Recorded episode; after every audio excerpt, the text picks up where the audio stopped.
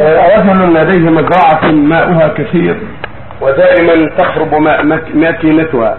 فقال هذه عين غطى حنفية الماء لئلا يراها أحد خوفا من العين. فهل يجوز ذلك؟ وهل هذا ينافي التوكل على الله عز وجل؟ وهل هو من تطير؟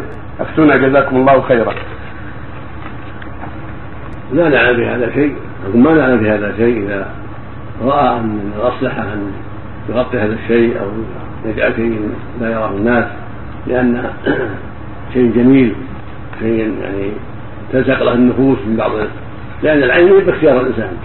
بعض الناس مصاب بالعين والعياذ بالله بغير اختياره إذا رأى شيئا عجيبا انتقت نفسه إليه وهرب من شيء قد يسبب شرا على الناس. فإذا رأى أنه يتجنب هذه الأشياء يغطي هذه الأشياء التي يرى أن الناس قد يعينونها لما في قلوب بعض الناس من الشح والحرص وقبح السيرة والعمل فلا نعلم في هذا شيء. توقع العين لا نعلم فيه شيء. العين حق كما قال العين حق ولو أن شيء سبق القضاء لسبقته العين.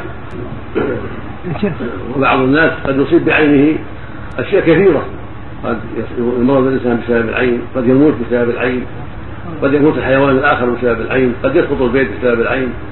العين حق فيجب على المؤمن في مثل هذه الأمور أن يتوكل على الله ويتعوذ بالله من الشيطان الرجيم ويتعاطى الأعمال السليمة التي تكون سببا لوقاية من العين. قل أعوذ بكلمات الله التامات من شر ما خلق إذا أصبح وإذا أمسى ثلاث مرات. بسم الله الذي لا يضر مع اسمه شيء في الأرض ولا في السماء. وهو ثلاث مرات إذا أصبح وإذا أمسى. هذه من أسباب سلامته وسلامه ماله وحيواناته وكل ما عنده من الشر. يستسلم بإذن الله. من هذه التعوذات الشرعية.